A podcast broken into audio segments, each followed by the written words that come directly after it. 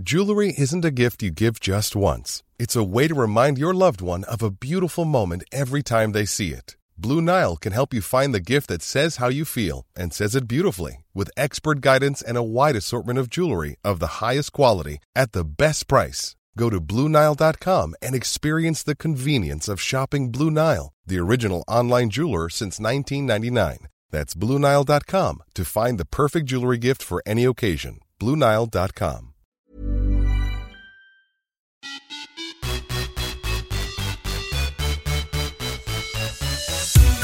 och välkomna till ett nytt avsnitt av podden Viss och Svärm on the run med mig Josefin Svärm och Sara Viss. Och på tal om Sara Viss, hon går och väntar på att få barn här. Hur mår du? Ja, men jag mår bra. Men jag börjar checka av du vet sådana saker som jag inte trodde att jag skulle göra igen, gra fortfarande gravid. Och det var ju bland annat, jag trodde absolut inte att vi skulle podda ytterligare en gång. Nej, och jag sa Nej. ju i måndags att troligtvis så har Sara fått en son här nu när det här sänds, men så var det ju inte. Nej. Nej. Nu vet vi, nu vet jag ju dock, eller så här, när det här släpps, då borde han vara på utsidan i alla fall. Ja men det må, för du ska annars bli igångsatt eller? eller hur ser det ut? Ja exakt, för idag är det onsdag när vi spelar in, mm. alltså den åttonde. Eh, och jag har jag ska sättas igång den elfte och det är på lördag. Mm. Sen är det ju om den där igångsättningen också skulle, alltså så här att det, att det tar tid att få igång det också, det, det vet man ju inte. Men Nej. elfte har jag liksom som sista dag som jag får gå över. Det är, det är ju olika där i olika län nu. Det har ju varit ganska mycket så debatt kring det här med att gå över tiden.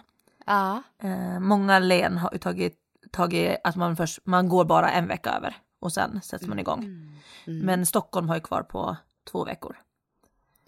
Så 42 oh. hela veckor, då sätts man igång. Så det är på lördag. Så, så när det här släpps, då är han förhoppningsvis i min famn. ja, det kanske till och med är på söndag han är i din famn. kan ja. vara så. Vi får se, men, eh, men nu känns det i alla fall på så sätt skönt att nu kan jag ju på riktigt räkna ner. Jag ja. vet att det är max fyra dagar. Mm. Annars har man ju gått, men det där som jag sa förut, den här uppladdningen, alltså man har ju gått typ och tänkt i fem veckor att nu kan det ske när som helst. Ja. Och det är ju ganska lång tid. Alltså man är ju börjar vara ganska mentalt trött. Ja, det förstår jag. Gå och ladda och vänta och sen så, ja. Men oftast går det bra. Eh, och jag liksom så här, jag mår ju hyfsat bra.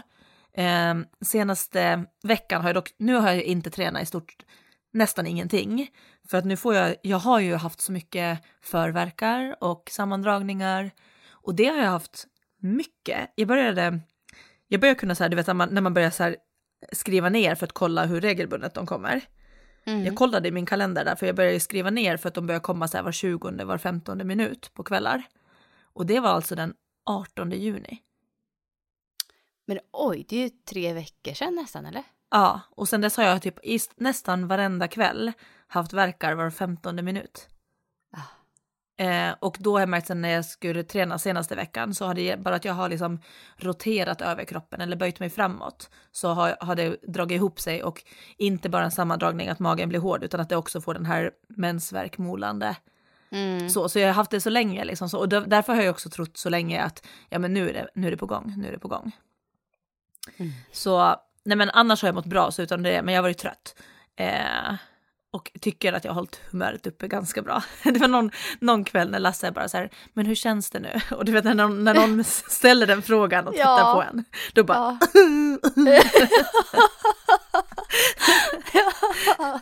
ja. då, alltså. då har det varit med som eh, lite så, men annars tycker jag att det har gått ganska bra. Och igår var jag på skönt. en kontroll som jag igen inte trodde att jag skulle behöva göra.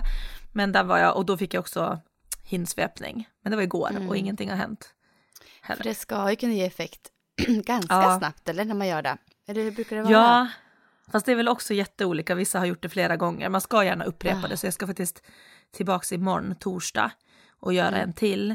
Och att mitt blodtryck har börjat gå upp. Jag har ju aldrig haft högt blodtryck.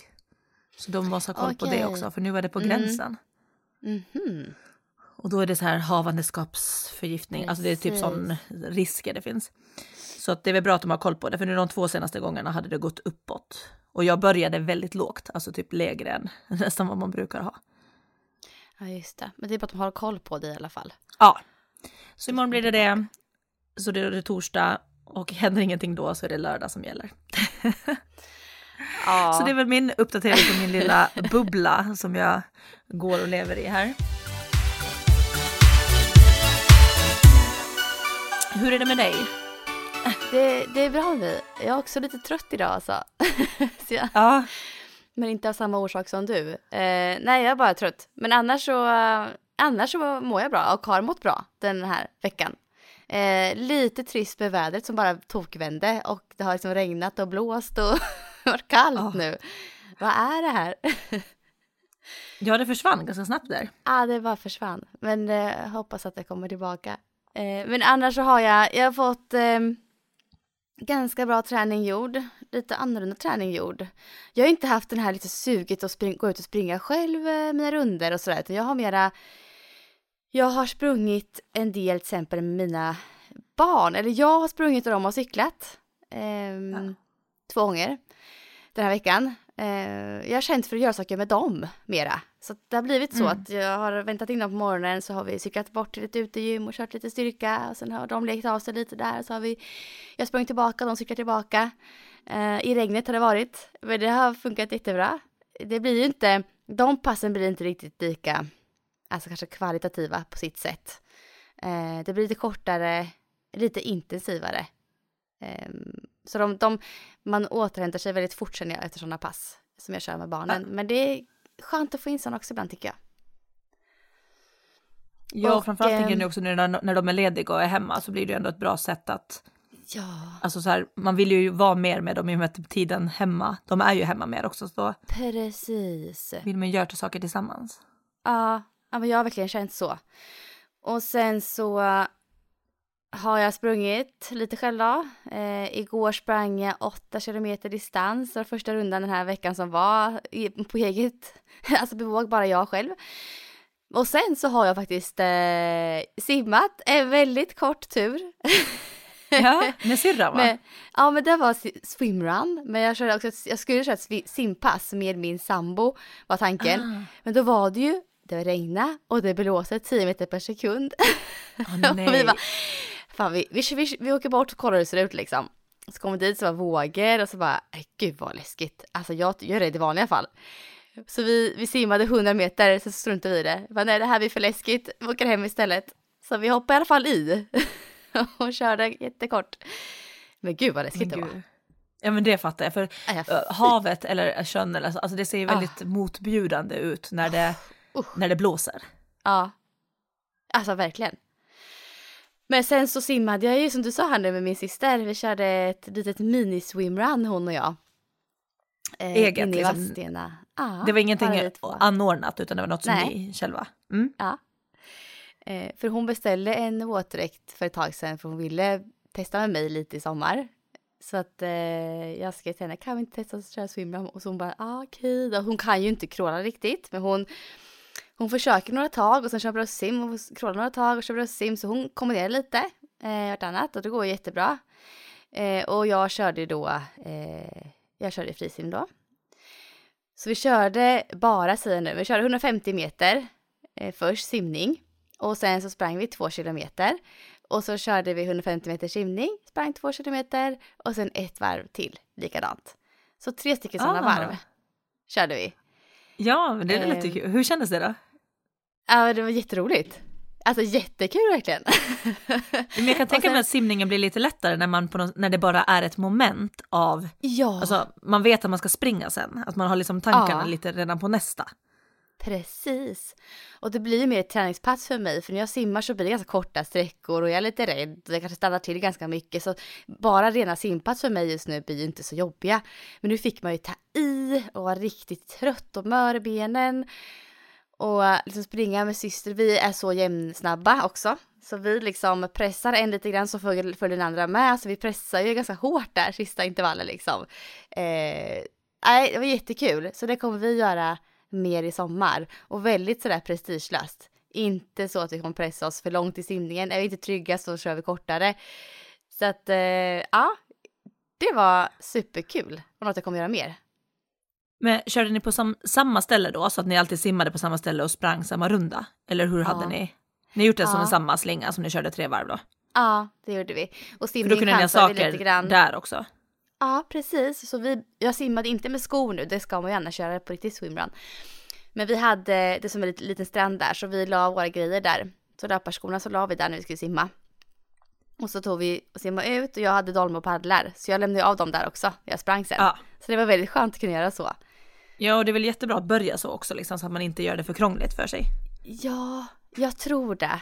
Ehm, det är ju det första tipset som man har hört folk säga när man ska börja satsa på simning eller swimrun att gör det så enkelt som möjligt för dig i början så att det känns kul och inte för komplicerat. Och jag tror verkligen på det. Ja, Verkligen. Mm. Så det, ja, jag fick, jag, ja, nu fick jag lite mer smak här igen av att simma lite. Så det känns kul.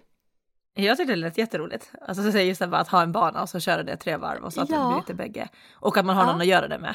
Det blir lite Ja. som ett, det lät som ett väldigt roligt träningspass tyckte jag. Ja, och man kan ju köra det om man är på olika nivåer i simningen. Man behöver ju inte köra crawl, man kan faktiskt eh, bröstsimma om man vill. Ja, Det är liksom, det funkar. Om man kör bara ut till en viss ställe. Så, det, så jag körde snabbast ut kanske och sen så vände jag och då vände hon också. Så vi kom hela tiden in samtidigt ja. till startpunkten. Ja, så det var grymt kul.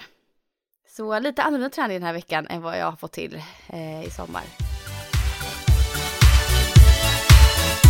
Men du, sen har vi också, nu har vi ju äntligen fått dela med oss av hela det här med Aftonbladet och eh, våra löppass där. Och nu börjar man Ja. även se att folk har sprungit det och de har använt hashtaggen så att man har kunnat se och eh, ge dem tummen upp och sådär. Och det är, alltså det, jag tycker det är så kul att se, Ja. att se att folk har kört våra pass nu. Ja, ja jag såg två tjejer, i, någon igår och en i morse som har sprungit och taggat oss där och, och skrev att det var, någon skrev att det var så himla jobbigt.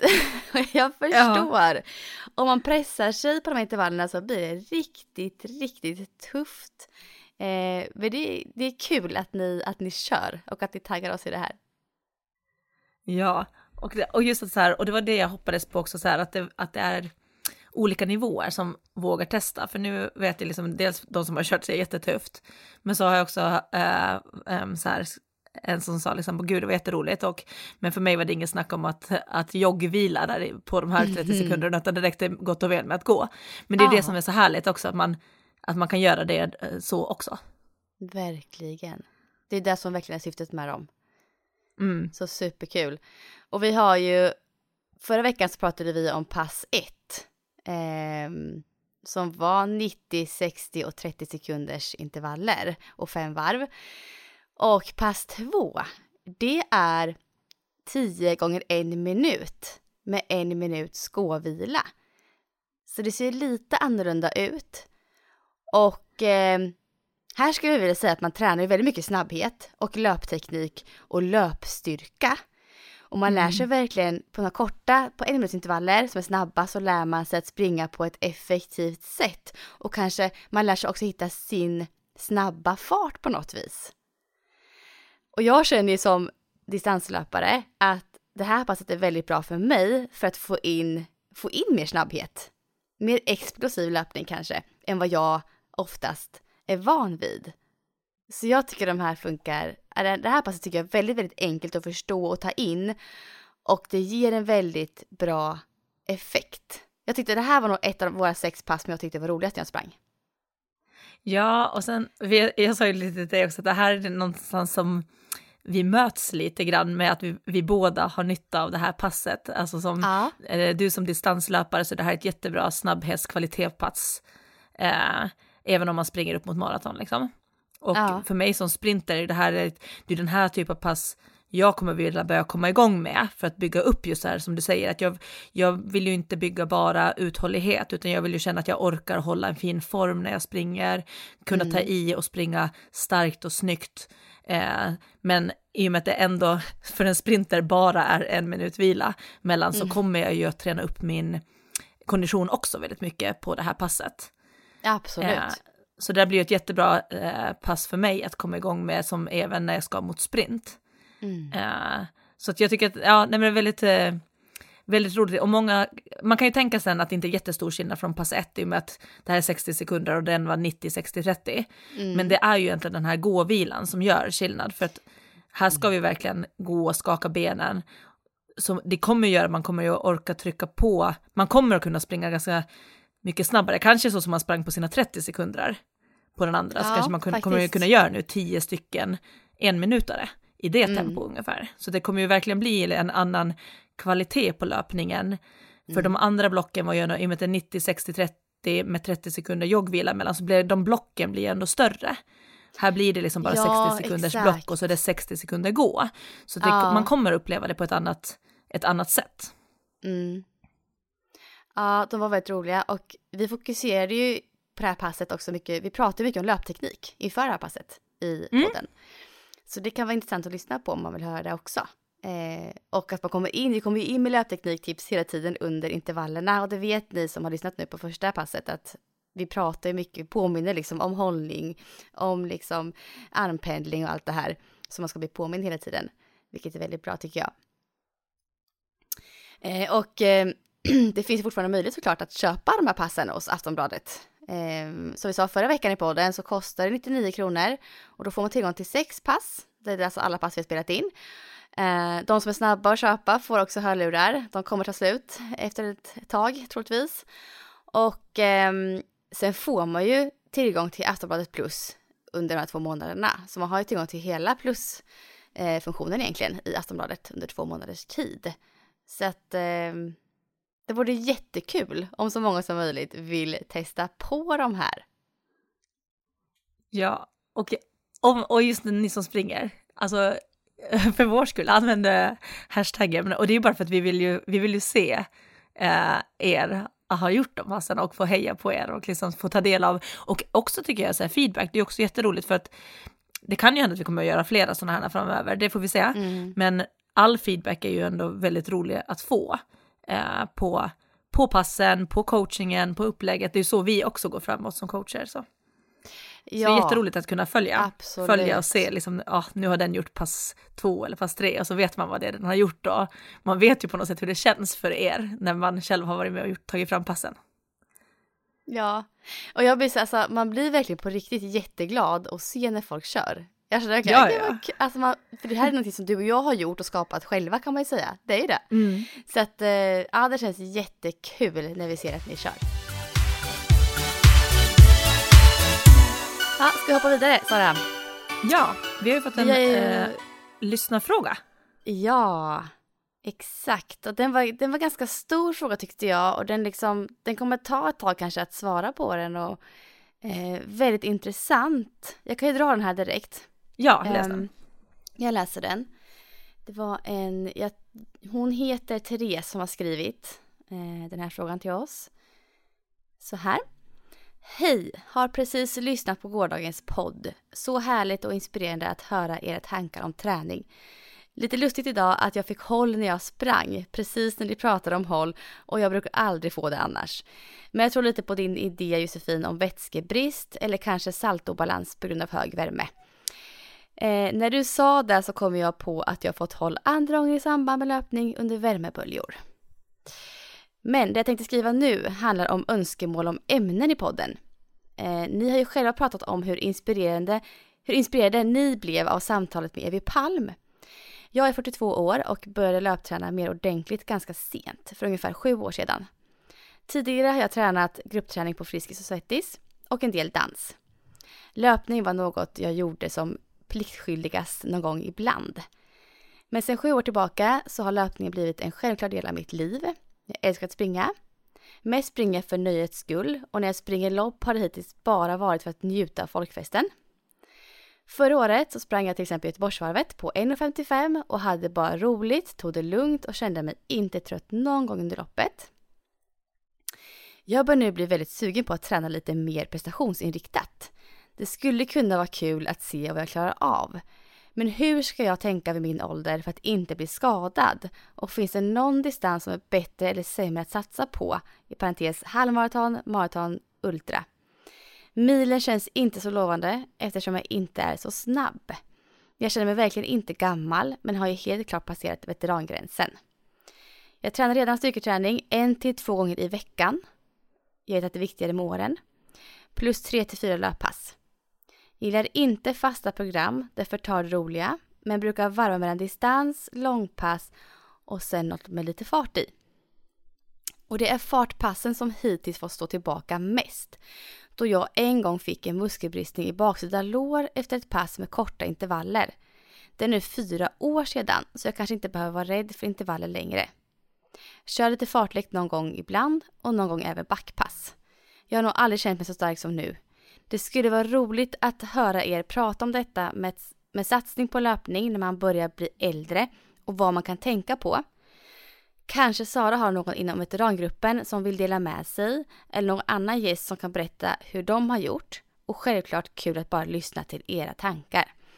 Önskar dig en härlig sommar med mycket löpning för din del Josefin och en bra första bebistid för Sara. Therese. Ja. Ja. Det, det, vet, det var väldigt tycker jag. intressant, eller hur? Mm. Vad tänker vi här? Vad tänker du här Sara? Jag tänker det, men stor 40 fråga. är ingen ålder. Åh oh, vad härligt att höra. Så tänker jag. ja.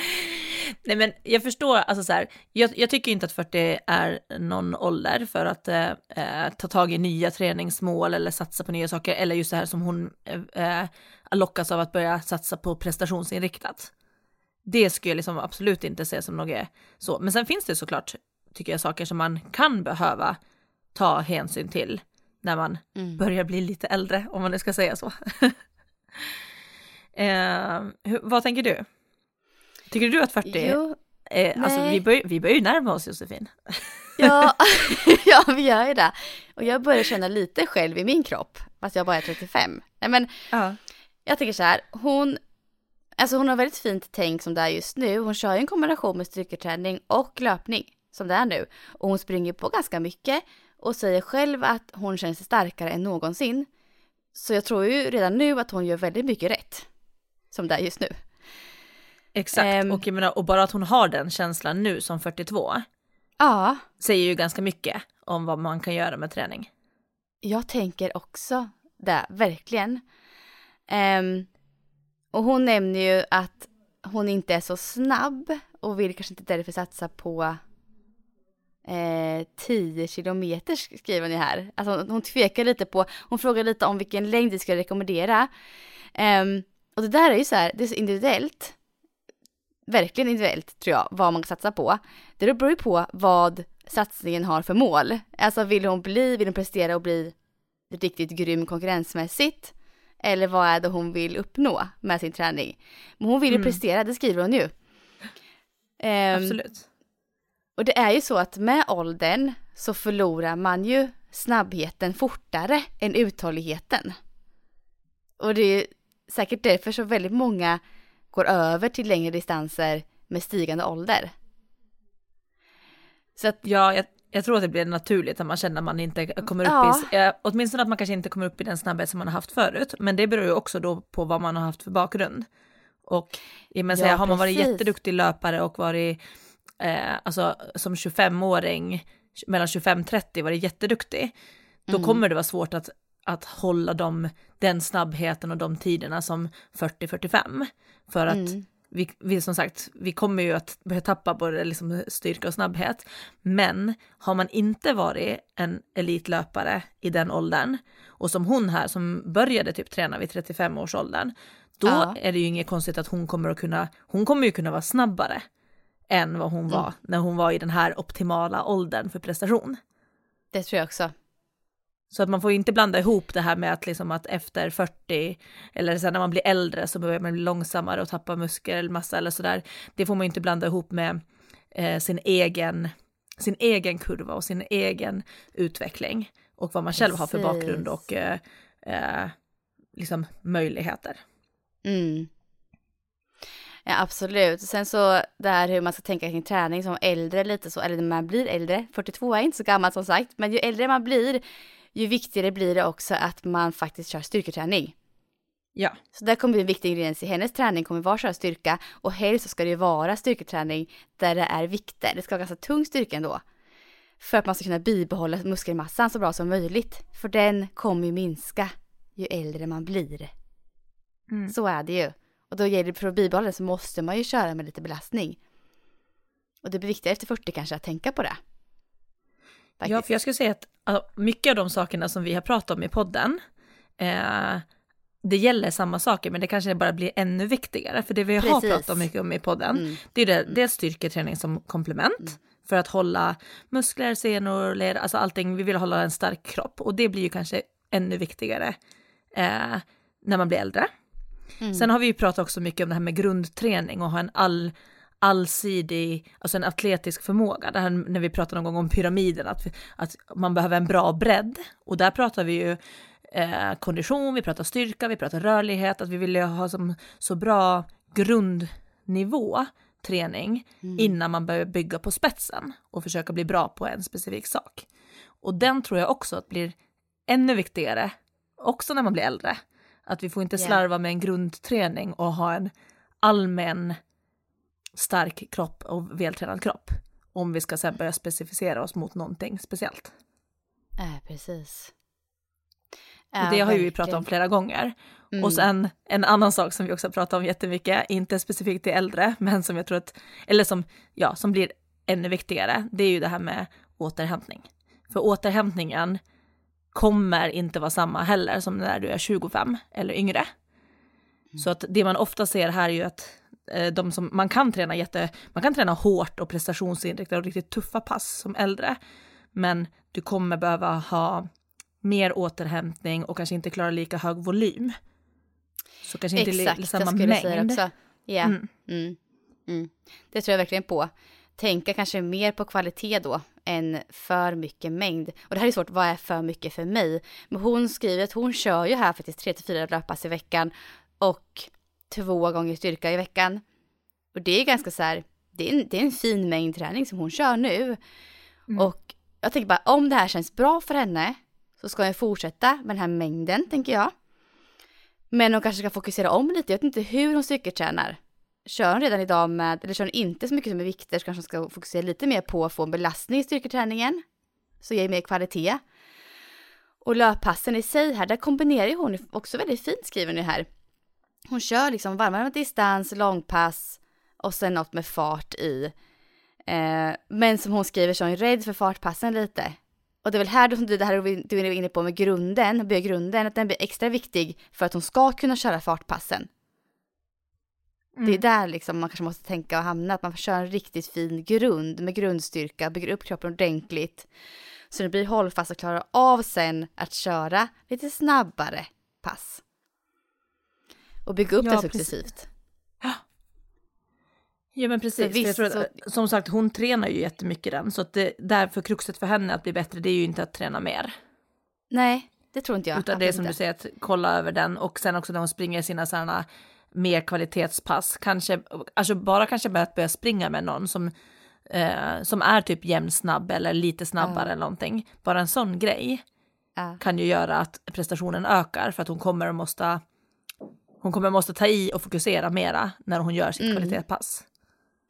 Ja, och sen kanske hon ska testa så här att anmäla sig till lite tävlingar sen när coronan och allting är förbi här. Att testa och springa lite lopp och se hur det känns. Hur svarar kroppen? Vilka tider kan hon komma in på när hon liksom verkligen försöker prestera? Nu sprang hon Göteborgsvarvet på 1.55 skrev hon ju här. Prova att springa Göteborgsvarvet nästa år och se vad, vad, kan, vad händer. Vad kan hända med tiden där? Det kan vara så här mm. Motiverande att veta. Okej, okay, jag kan prestera det här om jag verkligen tar i och går in för det. För det har hon inte riktigt gjort än. Så hon vet ju heller inte vart hon kan vara. Nej, precis. Och där tänker jag också, och just det med att vilken distans hon ska välja också så här. Mm. Eh, jag, tror, eh, jag, skulle också börja med den hon tycker lockar mest, alltså vilken känns roligast. Ja.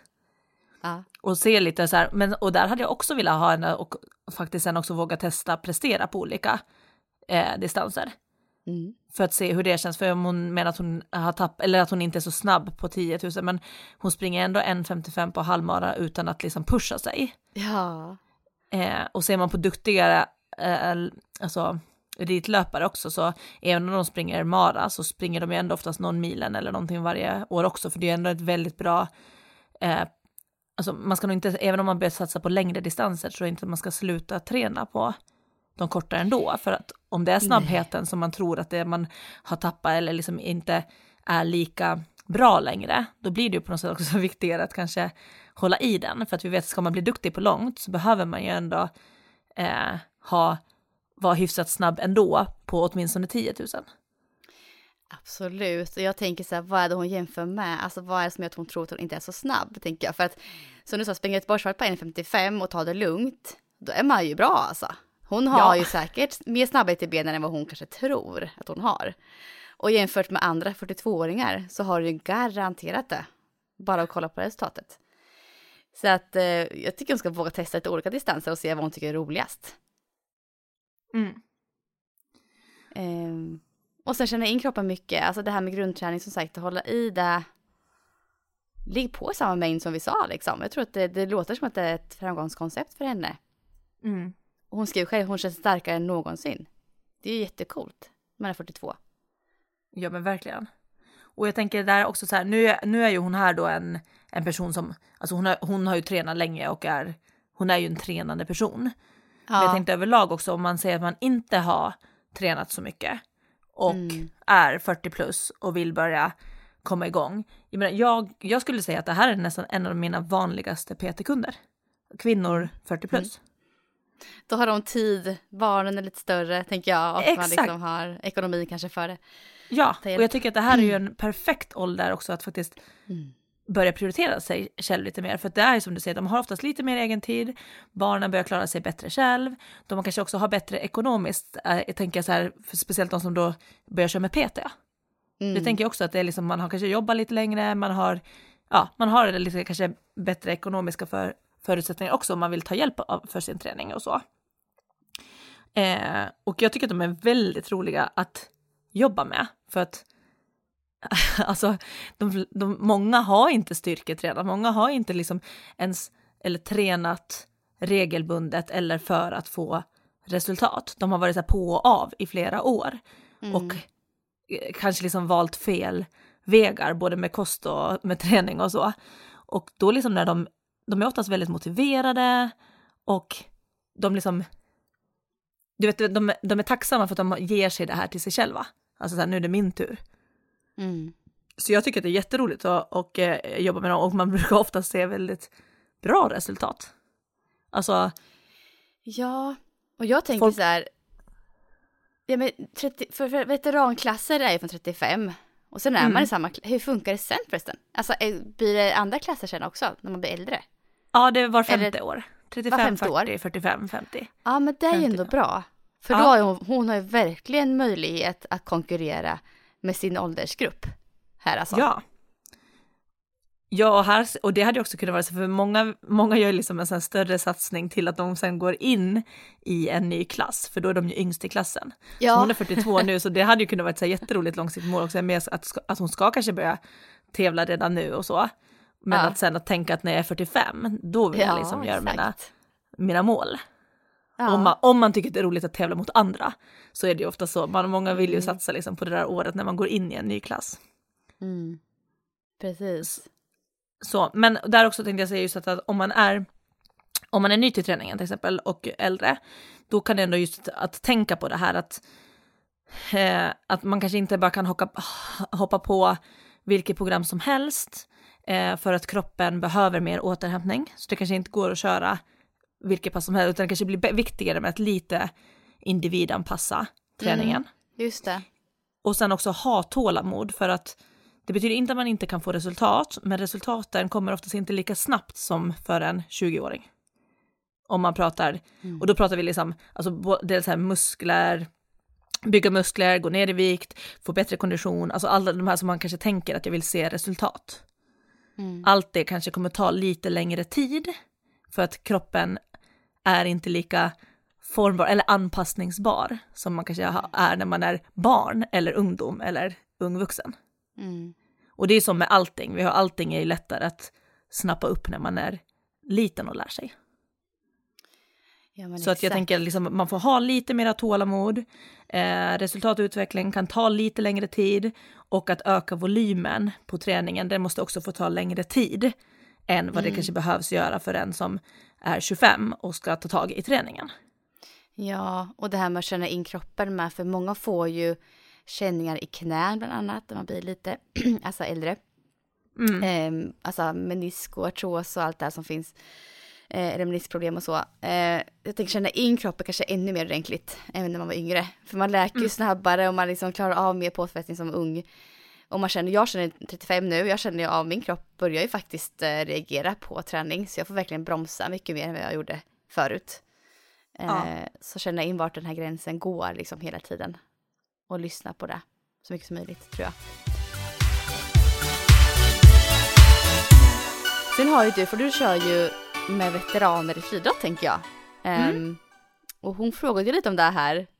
Ja, Jag tänker, har du någon så här, alltså du kanske inte går in på någon person eller individ så, men hur, hur klarar de oss påfrestningen? För de är inte så unga längre, många av dem. nej, alltså det är jag, jag, jag, när jag tränar med dem, då märker jag ju som ingen skillnad. Nu är jag ju också då över 30, men alltså ändå det vi gör överlag, det jag märkte eh, f- från när jag tränade i vanlig grupp till veterangrupp, det är ju lite det här med volymen. Att de är bättre på att göra kvalitet och prioritera det som ger bäst resultat. I och med att här vill alla tävla i den här gruppen. Ja, just det. Eh, så det är väldigt, alla, alla är ju tävlings...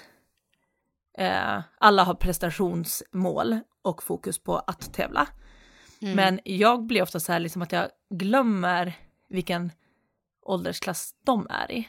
För att vi tränar likadant. Och det är ju därför det också är så motiverande för mig tycker jag. För att de flesta är i 40-45 i de två Mm. klasserna.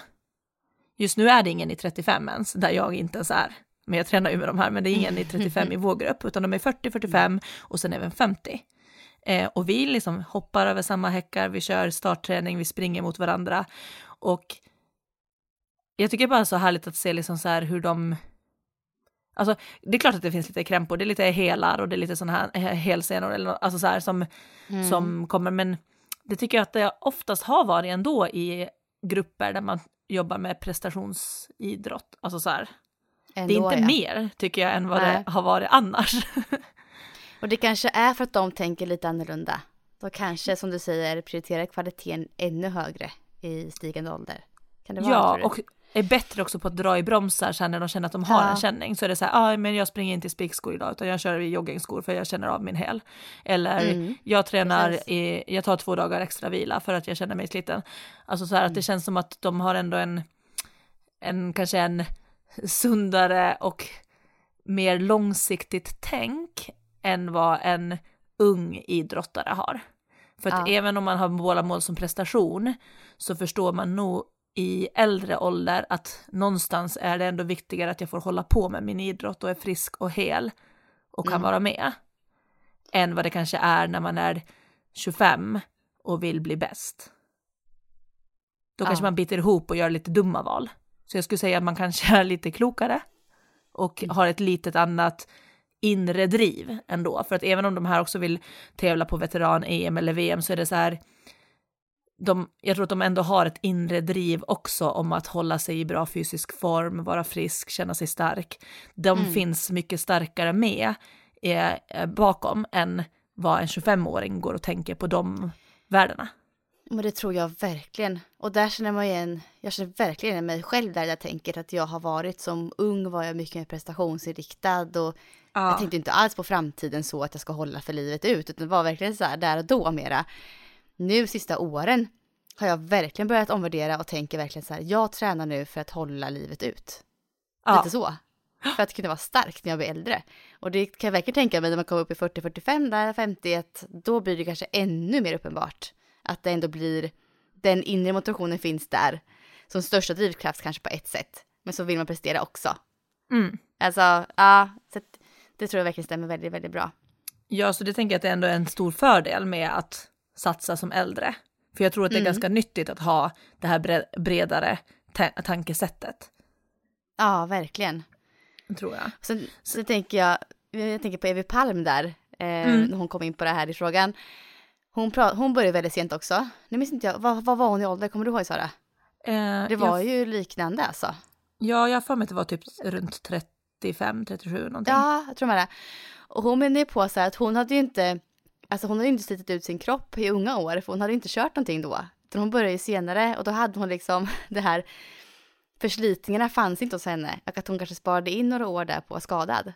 För att hon började ja. sent i livet. Jag vet inte, det kanske, det var hennes teori lite där. Jag vet inte hur väl den stämmer, men någonting kan det finnas kanske i det. Och så kan det vara lite upplyftande att höra om man börjar sent i livet och träna.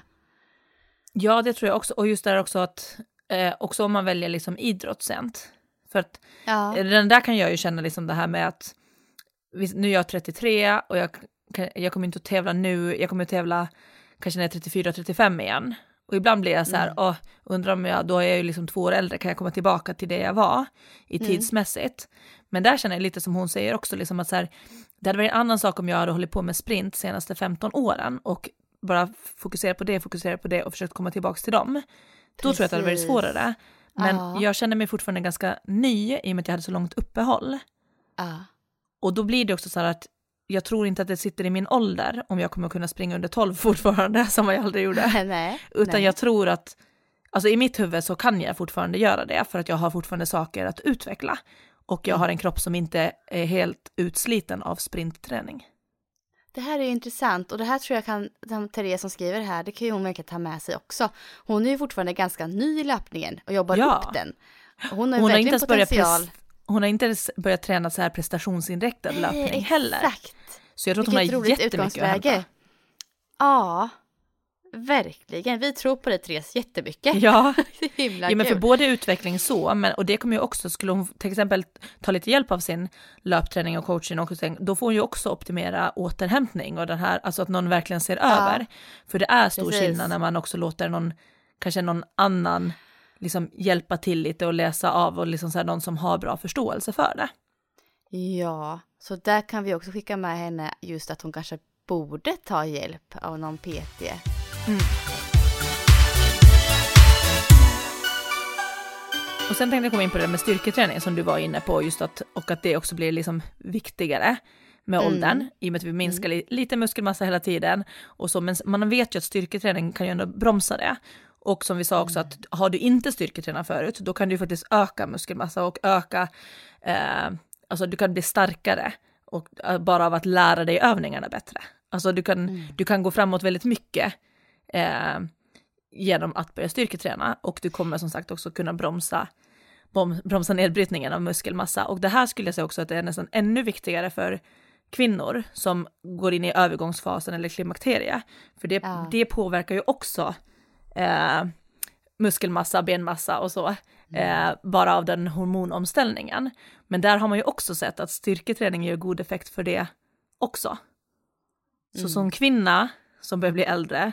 Så där skulle jag trycka, jag, jag skulle vilja att oavsett vad du håller på med med träning så, så är styrketräning en del av det. Ja. Eh, så den ska jag verkligen trycka på. Jag kommer ihåg att jag var på en föreläsning just om det här med träning kring eh, klimakterie och inför. Och då var det också, de pratade jättemycket också om den här bredden, att det är konditionsstyrketräning och någon form av lugn, både rörlighet men också lite det här inre vård, alltså det här yeah. typ yoga, meditation. Mm. Och där och kommer där lite återhämtning det... in tänker jag också. Ja, och där såg man också liksom att det var liksom att har du till exempel var en som kör jättemycket konditionsträning och så, då behöver det i den här åldern, då blir det ännu viktigare att du gör mer av de andra också. Och där ja. kände jag som jag var ju den som kanske har kört jättemycket styrketräning, explosivt och sånt. Och då blir det viktigare för mig när jag blir äldre att jag också får in konditions Kondition. och det här rörlighet och lugn för att mm. alltså klara i längden.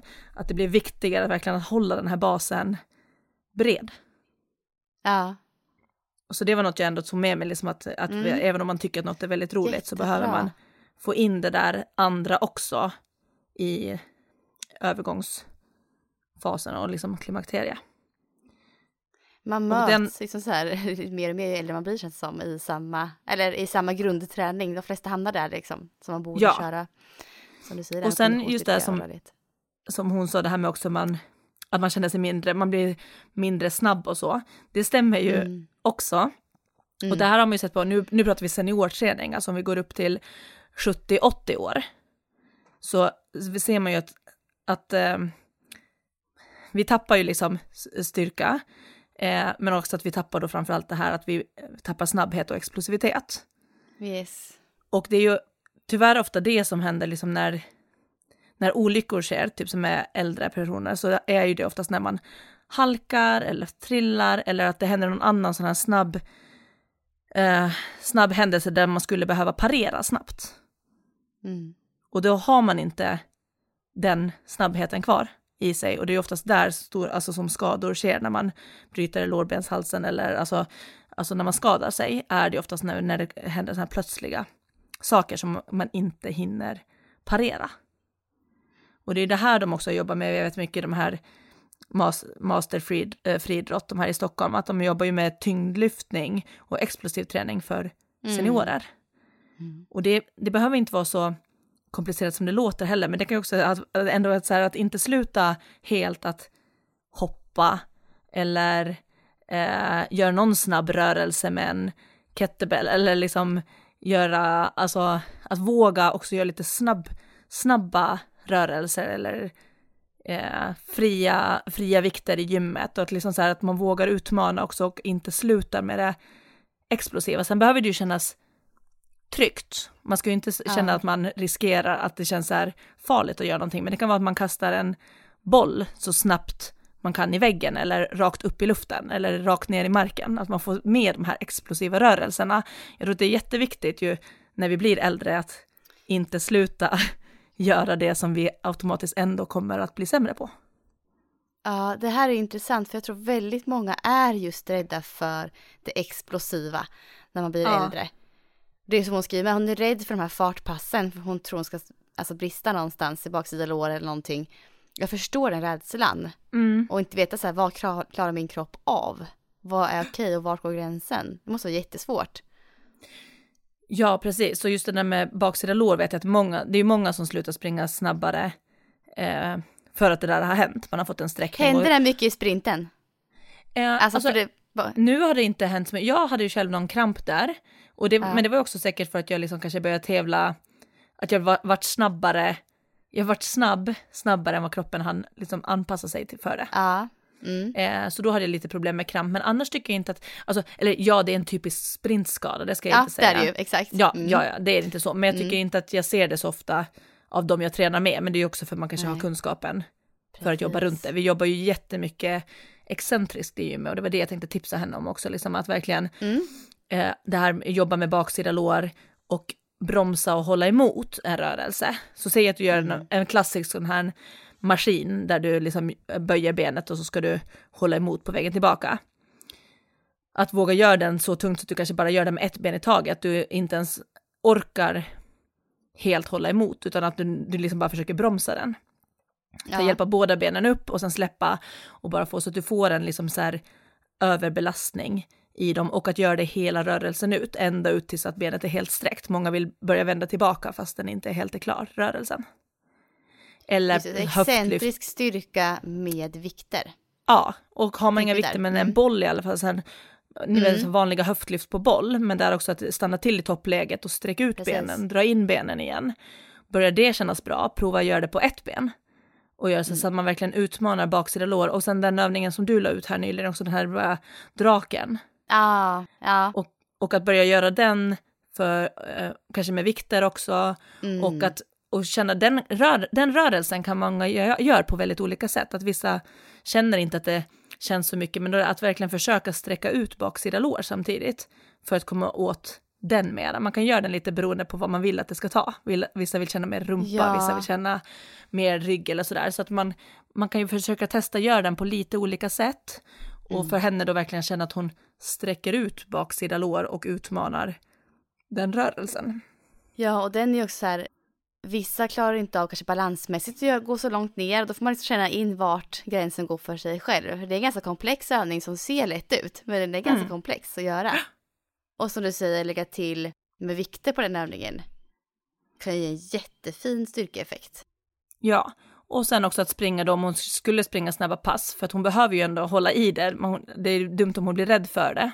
Men att mm. då kanske inte springa, alltså bara öka också nu då successivt som vi har pratat om så mycket idag. Att liksom så här, bara springa ja. lite snabbare och sen nästa vecka lite snabbare och gärna kanske göra det i backe. Vi pratade ju om det i ett av de här Aftonbladen eh, passen så är det ju backintervaller. Ja. Och där pratar vi om också att just att när du springer upp för, då kommer du ju inte upp i samma hastighet, men du får ändå ta i lika mycket. Och det minskar ju också skaderisken. Så att, att yeah. kanske då springa de här snabba är lite uppför, för att det kommer inte att bli mm. lika, lika eh, snabb rörelse, men hon kommer få samma effekt liksom, för hon får ju ta i lika mycket. Ja, absolut. Håller helt med där. Alltså, backlöpning är jättebra. Det kör hon lite, skriver hon här, men testa och kör. Hon kan ju prova att trycka på lite extra mycket backe kanske på några pass och se hur det känns. Ja.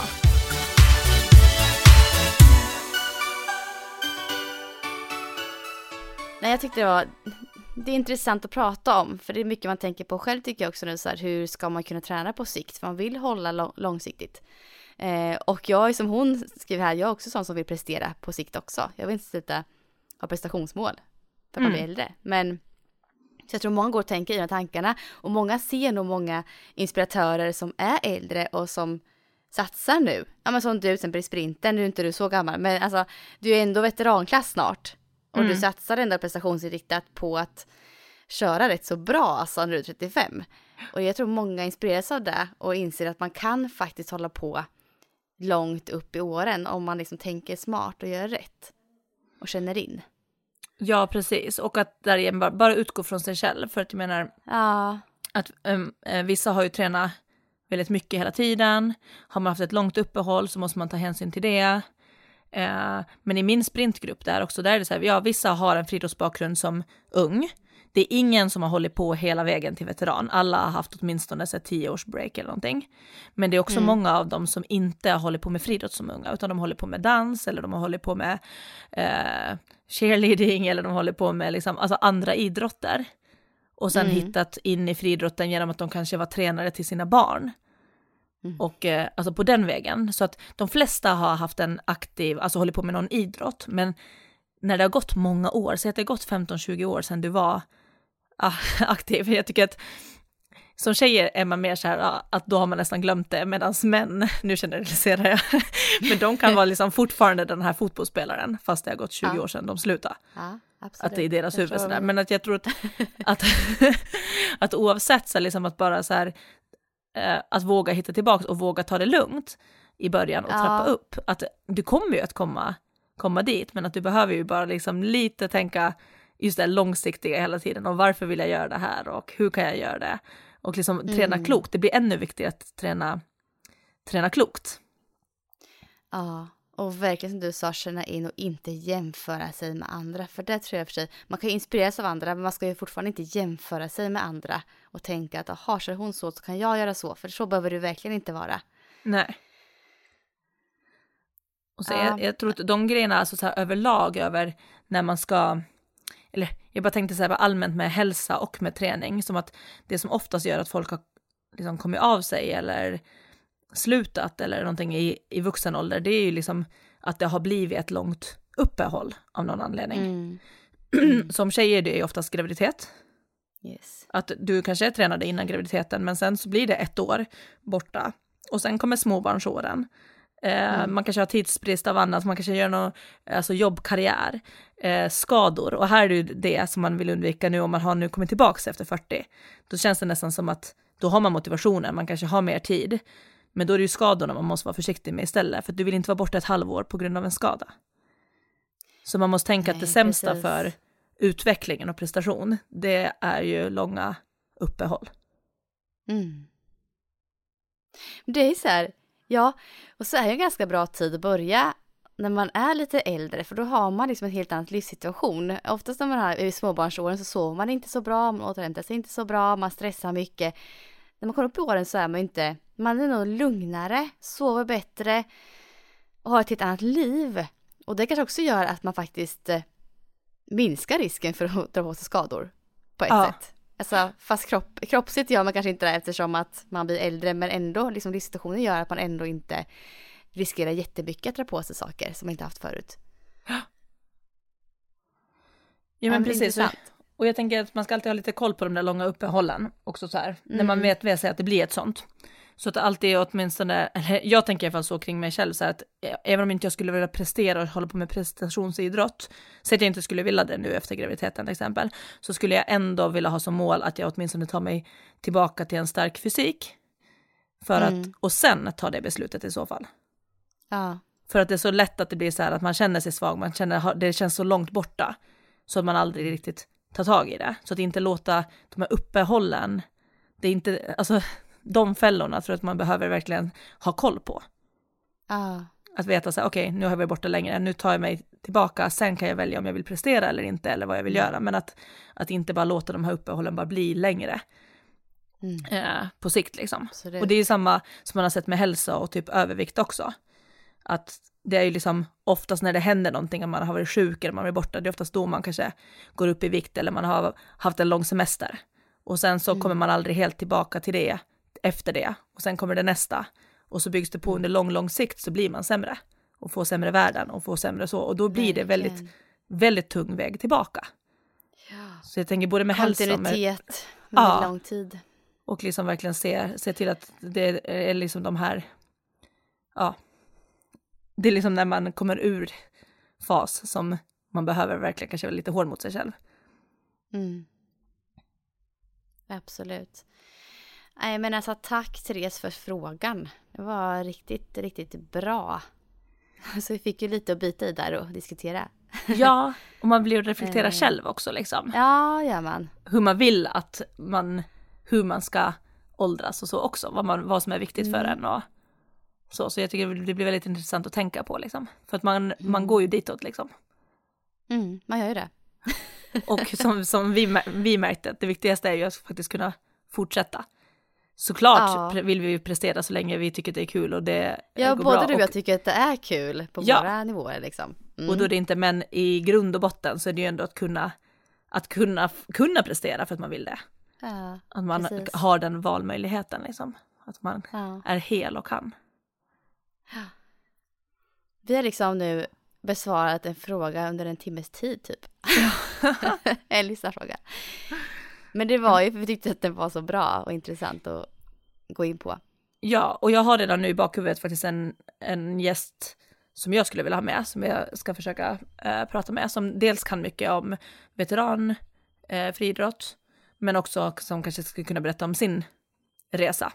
Och så, ah. så jag ska se om vi kan få tag på, på henne någon gång framöver, för det skulle vara roligt och vi kanske skulle kunna hitta någon eh, så också som har kört en distans resa kanske mot prestation. Ja, också. precis. Det, hade, det måste vi kolla upp om det finns någon där och helst kanske någon som har börjat senare i livet som Evi Palm i och för sig har vi ju ja, egentligen. Vi, är det någon vi annan har ju, om hon inte, om Therese inte har lyssnat på Johanna Bäcklund, nu var inte hon så gammal, men det är ändå med tanke på Johanna mm. Bäcklunds resa till VM så börjar hon ändå väldigt sent med tanke på vilken mm. nivå hon kommer, är på idag. Ja, eh, för hon är ju ändå verkligen. veteranklass i år. Hon borde vara 35 i år. Ja, eh, men hon har ju inte, hon har inte den klassiska friidrottsbakgrunden från, från att hon har varit barn. Nej, precis. Så det, Så det avsnittet Bäcklund, finns det ju. Vilket mm. avsnitt var det? Nu vet inte jag det exakt. Det var ganska tidigt. Det går väl att kolla upp. Ja, det var tidigt i podden. Mm. Så den kan man ju åtminstone få jättemycket inspiration från tycker jag. Mm. Ja, verkligen. Ja, men Ska vi börja avrunda idag? Jag tror du? det. jag tänker att du ska få gå och föda barn, kan inte du göra det idag? ja, precis. Den har stått på min to-do-list nu varje dag. ja, jag förstår det. ah, ah, jag ja. hoppas verkligen att du får eh, att du får göra det på en naturlig väg nu istället för att bli igångsatt. Kanske det, eller vad känner du där? Känns det jobbigt för dig om du skulle behöva bli igångsatt eller är du lugn i det? Ja, helst vill jag att det ska kännas naturligt. Det gick så bra förut tyckte jag, mm. alltså allting gick så smidigt ändå med Rasmus, även om det gick ja. snabbt. Eh, mm. Så att jag har ju ändå bra upplevelse av det, så helst så vill jag ju faktiskt att det ska bara sätta igång av sig själv snart. Ja. Eh, och oavsett, alltså det viktigaste är ju att alla mår bra och att det blir bra mm. på slutet, men jag kan ändå, ska jag vara helt ärlig så skulle jag känna så att det hade varit lite jobbigt att vara, bli, att om det hade blivit snitt nu. Ja. För att i och med mm. att först var det lite så här om jag kanske skulle ha haft ett planerat snitt i vecka 38 för att moderkakan låg lågt. Just det, det pratade du om. Ja, och då ja. känns det så här, då har jag i så fall gått en månad extra för att ändå bli snittad. Förstår du? För snitt ja, kräver ju ändå jag längre fattar. återhämtning och alltihopa, så då känner jag Ja. så här, då hade jag lika bra kunnat snittas i vecka 38 och typ varit, Mm. varit ganska långt återhämtad redan nu i så fall. Mm. Så det är väl en liten sån tanke att jag bara, åh, nu vill jag åtminstone bara föda vaginalt och att det ska gå bra Mm. och inga skador och så. Men sen alltså vet jag att det viktigaste är ju att både bebis och jag mår bra och att allting flyter, Ja, flyter på. Men en sån grej kan ju ändå vara lite så här, det är lite tråkigt att gå över långt för att sen ändå snittas. Jag fattar tanken. Ja, Men som sagt, det går ju inte att styra över någonting nu. Nej. Det är ju, och, och ut kommer han ju komma ja. på något sätt. Ja, jag sa det var på något Eh. extra ultraljud ju, eh, där. Ja. Och då sa Ja. jag det också lite så här uppgivet så här, nej alltså det känns som att det känns som att min kropp nu bara mitt i allt inte fattar hur den ska göra, att, det, att den kanske aldrig kommer. Ja. Så, och hon bara skrattade lite så här gulligt och hon bara, ja men vet du vad, då är du den första på mina 40 år som det händer. Men du kommer liksom, när det väl drar igång sen så kommer du ju bli sådär redo som man Ja. blir. Det, Jag tänker att det kommer ju ske liksom. Ja, Ja för nu har jag känt så här, det blir- gud jag är så trött nu redan innan att det kommer inte gå, men jag tror Ja. att jag kommer få adrenalin och typ bara så här, yes nu kör vi! Ja, det tror jag också. Nu jävlar ska han ut. Ja, Vänta inte för länge här. jag ska gå och fortsätta på Ja. min to-do-list här på min eh, saker att göra för att få det att starta. Ja men det är bra. Och jag går och väntar på att få ett sms av dig. Ja. Yes. Ja, finns. Ja men gud vad härligt. Vi ser fram emot det här. Fortsättning Mm. följer säger vi till er i podden. Men på söndag när det här släpps så ja, då, ja, jag ska inte säga för mycket men han borde finnas här då. Då borde det vara så. Ja, ja. Bra. ja. Ha det så lycka bra till nu. Ja, och Tack lycka så till mycket. nu. Ja, Tack. Så, och ha det så bra, alla som lyssnar också. Ja. Så hörs vi igen. Det gör vi. hej. Hej.